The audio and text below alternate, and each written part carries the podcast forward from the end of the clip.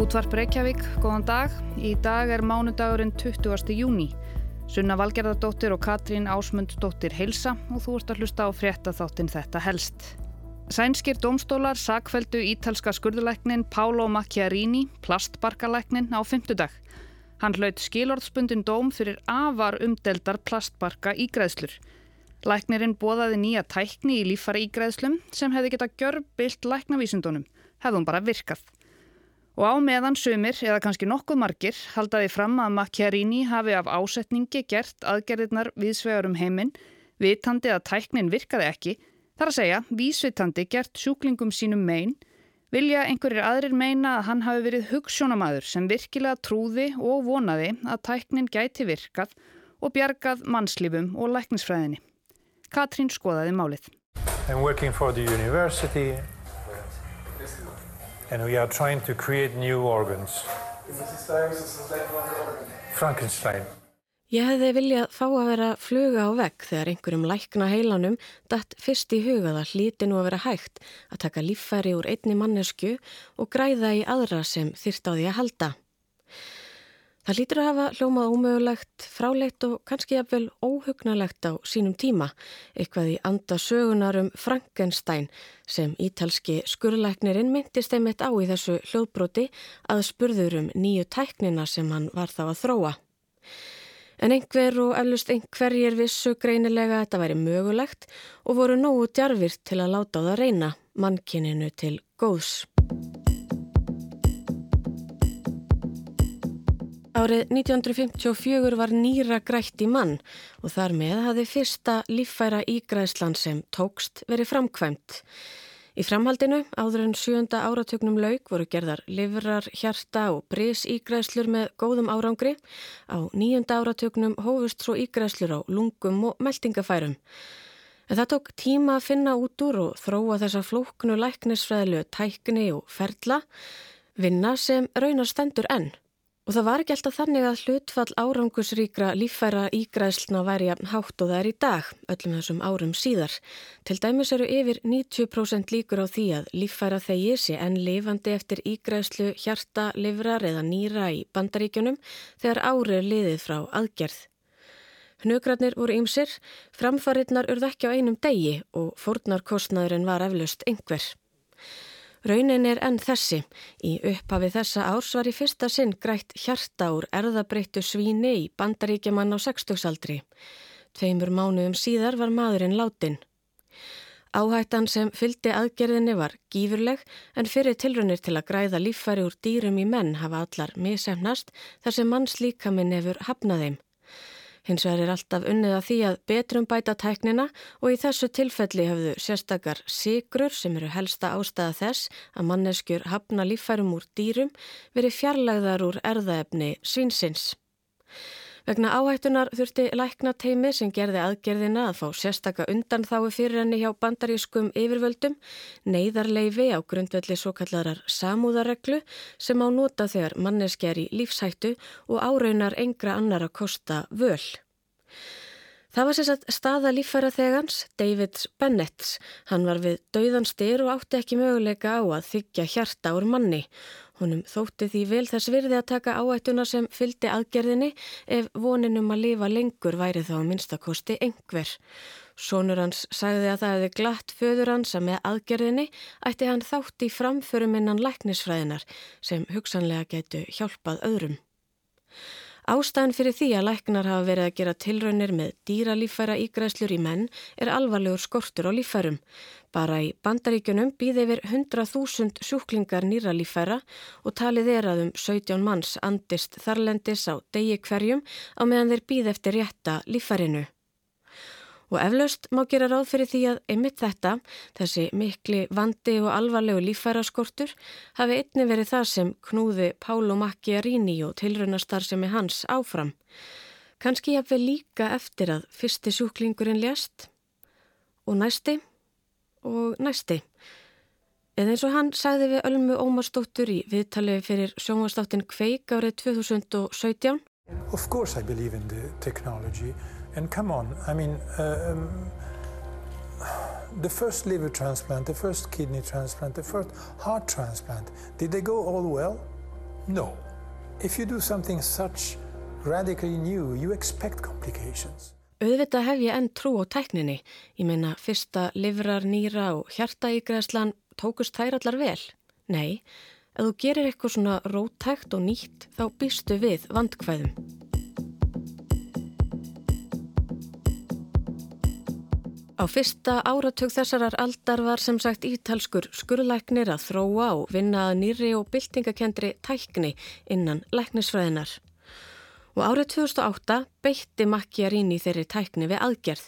Hann tók barka sem fengin var úr látnu manni, reynsaði frumurnar af lífærinu og þætti það í stopn frumum lífæraþegans, Claudio Castillo, áður hann grætti það í sjúklingin á spítala í Barcelona.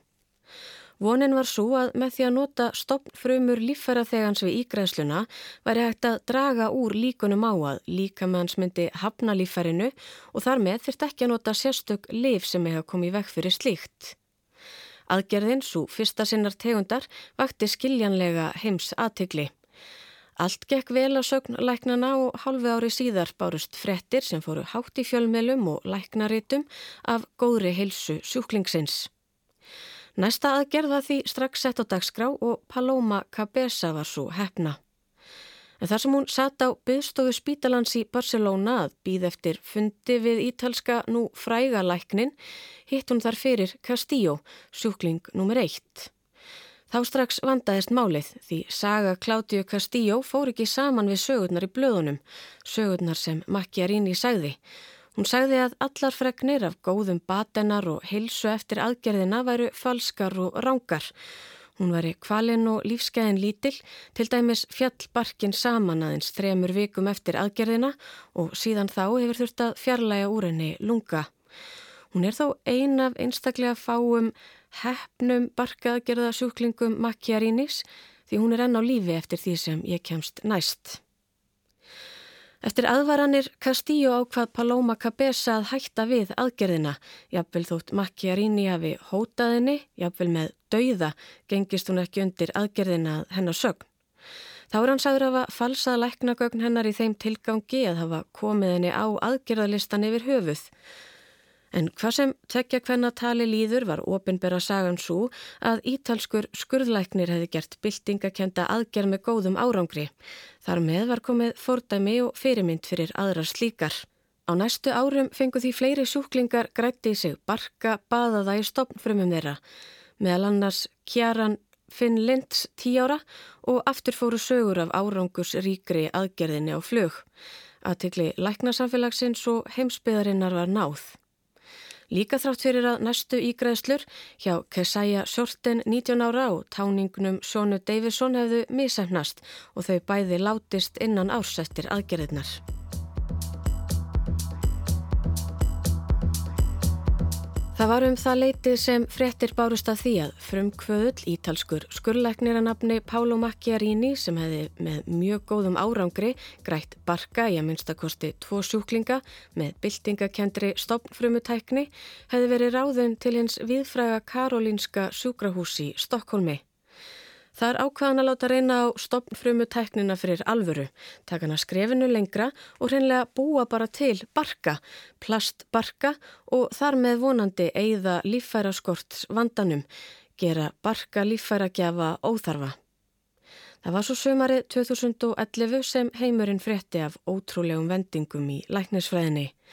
Þá hafði maður, Andi Mariam Bein sem var raunar búsettur hér á Íslandi af öllum stöðum, orðið fyrstur til að fá í sig grættan plastbarka Macchiarinis á Karolínska sjúkrahúsinu, meira segja með aðkomu íslenskra lækna eins og frækt varð. Ótrúlegt læknisfræðilegt afreik hafði átt sér stað, það var verið að umbylta líffæra ígræðslum fyrir fullt og allt og Pálo Macchiarini var orðin einn frægasti læknir heims. Karolinska sjúkrahúsið færðist enn lengra upp með dorðastegan. En dýrðinn og upphafningin varði stutt, fræðinn varðað endemum. Aðeins um fimm árum síðar stóð mikill styrrum ítalska læknin, Karolinska sjúkrahúsið og aðra læknastofnanir sem hann hafi unnið á. Þá hefðu sjö af þeim nýju sjúklingum sem gengust undir stopnfrömmu meðferð Macchiarinis látist. Þeir tveir sem enn voru á lífi höfðu látið fjarlæga plastbarkan og þegi líffæragjöf í staðin. Bein, sá sem allra fyrstur fekk plastbarka, ljast um það byl 30 mánuðum eftir aðgerðina eftir að hafa gengið gegnum mikla og erfiða fylgikvilla eftir ígræsluna. Markvíslegar ásaganir fór á flug, margt kom á daginn. Alls konar rannsóknir voru settar af stað, bæði innan Karolinska sjúkrahúsins og utan, svo sem hér á landi. Niðurstöður þeirra voru meðal annars þærað, kenning og tækni makjaríni stæði á veikum stóðum. Læknirinn hefði ekki gert tilskilið áhættumat fyrir aðgerðirnar, nýja hefðan fengið tilskilin leifi fyrir þeim. Hann var einnig sagaður um að hafa gert tilraunakendar siðferðislega rángar aðgerðir, jafnvel á sjúklingum sem ekki voru í lífsættu eða neyð með hræðilegum afleiðingum, kvölum sjúklinga sinna og loks dauða flestra þeirra. Hann var sagður að hafa átt við og falsað sjúkrahúsgögn og rannsóknir og logið til um árangur og líðan sjúklinga sinna. Sjúklinga sem margir hverjir voru sár kvaldir þar til þeir létust. Þá heldu Vanity Fair og Aftonbladið því fram að hann hefði logið til um hæfi sitt og mentun á ferilskrám og umsóknagögnum. Hann hefði vitað að plastbarkarnir og tæknin virkuða öllum líkindum ekki en engu að síður haldið áfram lífshættulegum og einstaklega áhættu sömum aðgerðum sínum. Þá sæði það minnsta ein rannsóknin að Karolínska hefði ekki bröðist rétt við þegar Macchiarini var ásakaður um misferðli og vannrækslu nokkrum árum fyrr og spítalinn var sagaður um að hafa hunsað og liti fram hjá ábendingum og vísbendingum um misferli og vonda domgreind skurleiknisins vegna fræðarans og mannorðs. En minnst fjórir, þar á meðal læknar sem unnu með Macchiarini á Karolinska, letu stjórnendur vita af áhyggjum sínum af störfum og vinnubröðum Macchiarinis við einstaklega dræmar undirtektir yfirmanna. Nokkri þeirra gerðust svo uppljóstrarar í málinu og hafa talað um það ofinberlega þrátt fyrir mikla andstöðu stjórnenda, samstarfsfélaga og annara personulegra og faglegra afleðinga. Og ótrúlegt en satt á bárust líka fregnir af miklum vandraðum í engalífi læknesins. Benita Alexander fyrrum unnusta Macchiarinis greindi frá því að hann hefði beðið hennar og skipilagt með henni brúðkaup á Ítalíu á sama tíma og hann átti eiginkonu og börn í öðru landi. Hann hefði logið að henni og blekt hana allt þeirra samband. Meðal annars sagðan henni að Pávin, sem hann sagðist vera meðal skjólstæðinga sinna, myndi gefa þau saman og að Vatikanið hefði bóðið fram sömarhús Pávans á Ítalíu fyrir herlegheitin. Andrea Bocelli ætlaði að syngja við aðtöfnina og John Legend að spila. Þá ætluðu aðrir frægir skjólstæðingar og vinir skurleiknisins að mæta eins og Elton John, Beckham fjölskyldan, Obama fjölskyldan, Clinton hjóninn og Russell Crowe. Þau voru því á gestalista á samt rúmlega 100 fjölskyldumælimum og vinum parsins sem þegar hafðu bókað sér far til Ítalju. Þrátt fyrir að Benita Alexander sé sár og segt yfir framkomu þá tilvonandi eigimansennar í hennar garð bendir hún á að í hennar tilviki og líkt mörgum öðrum sem hafa orðið á vegi hafi enginn týnt lífinu. And so there was, there was a unique bond between us because we've both been betrayed by this man that we trusted, that the world trusted, you know, but in their case, someone died. Hún vil líka að hann verði látin horfast í augu við fornalömp sín og sæta ábyrð gjörða sinna. Hann er heima á bakvið lás og slá. I want him to go to trial and I want him to look around that courtroom and see the families of the patients whose lives he destroyed and maybe understand what he did. And then I want him to be held accountable. I think he needs to be behind bars. Sjálfur hefur Macchiarini alltaf neitað sög. Hann segir erfitt að takast á við allar ásaganirnar og vera á forsýðum tímarita af þessum ástæðum. It's difficult. It's difficult to be attacked the, be on the front pages and uh, um, at least we would have done something wrong, then I would understand it. But uh, I believe we didn't. Það væri eflaust auðveldar að skilja og takast á við þetta allt saman hefðan gert eitthvað ránt sem hann telli ekki en það hafa hann ekki haft nokkurt tilefni eða kvata til að gera ólöglegar aðgerðir eða búa til og eiga við læknisfræðileg gögn. One needs to explain me what is my interest in doing illegal surgeries or fabricating or manipulating data. Um, I should be a foolish. En eftirmálinn byrja kannski vott um annað. Einn rannsóknu eftir annari, eitt stjórnendaleifið eftir öðru, einn uppsögnin á fætur annari og hver málaferlin eftir önnur. Í júni 2016 tilkynntu lögreglu yfirvöldi Svíþjóð um að hafinn væri rannsókn á því hvort Macchiarini hefði framið morðaf ó yfirlögðu ráði. Rúmi ári síðar var málið felt niður. Yfirvöld sögðu ekki hægt að sanna og sína fram á að hann hefði viðhaft glæpsamlegt aðtæfi. Jafnvel þrátt fyrir að yfirvöld heldu að hann hefði sínt gáleysi við fjórar af þeim fimm aðgerðum sem hann gerði í Svíþjóð. En málinu var ekki þar með lokið þar í landi. Árið 2020 kærðu sænskir saksóknarar læknin í ljósi nýra sönunagagna fyrir aðgerðir á þremur sjúklingum í Svíþjóð. Málið var svo tekið fyrir af þarlendum domstólum undir lok aprílmánadar á þessu ári og á fymtu daginn var hann sakveldur og hlaut skilórsbundin dóm þó aðeins fyrir þriðju aðgerðina.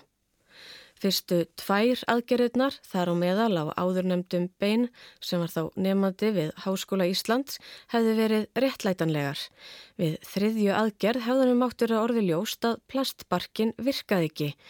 Allir sjúklingar Macchiarinis hefðu þjáðst og hloti líkamlegan skaða af meðferðinni, hins vegar sé ekki þetta sína fram á glæpsamlega hegðun læknisins í fyrstu tveimur tilfellunum.